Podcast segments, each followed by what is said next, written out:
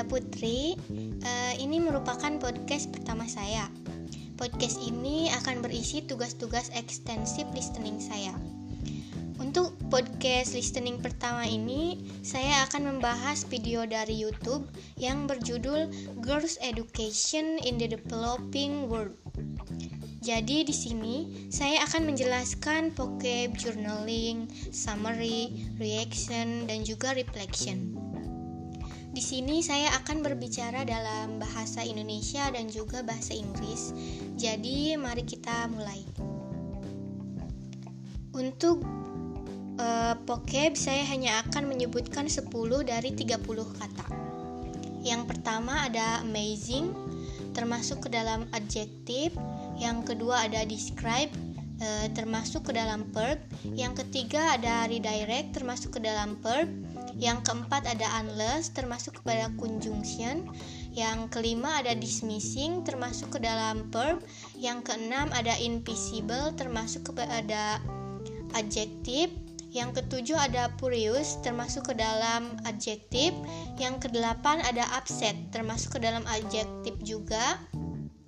Yang kesembilan ada ran termasuk kepada verb dan yang terakhir yang ke-10 ada action termasuk ke dalam noun. Next, summarize in the main point in my own words. There is an article about situation in Afghanistan under the Taliban rule. The article tells how the women there have to cover their bodies from head to toe. And they cannot leave the house without the consent of the men in their family. They are also unable to drive and even go to school. There is another article about a father selling his 9 year old daughter to marry a man 20 years older from his daughter. He sold for $750. This incident not only happened in Afghanistan but in many countries. The speaker says if he didn't do anything, he won't be able to change the situation. Next, rea reaction Write your opinion about the main point or your critical review. Underage women marry not only in Afghanistan but in Indonesia too. They are forced to marry older men for adult purposes. Such action rob us of our rights as women as well as our rights as human beings. They did not let us choose the option we wanted, and the situation must be eliminated.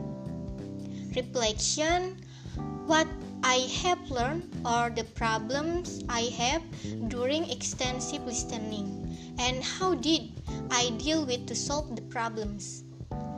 My problem with listening is that I rarely practice listening. I also don't really like uh, watching English film, so I rarely hear people speaking English. Even though watching movies is one of the exercise, so that we can get used to hearing speak in English. The solution that I think about this problem is that I will try to watch English films more often and also watch other English videos without subtitles to get used to it.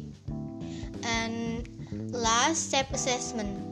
The speed was okay the vocabulary was okay the pronunciation was okay. This effect my listening skill? Maybe yes. I think my listening skill are improved. Uh, i'm not really sure.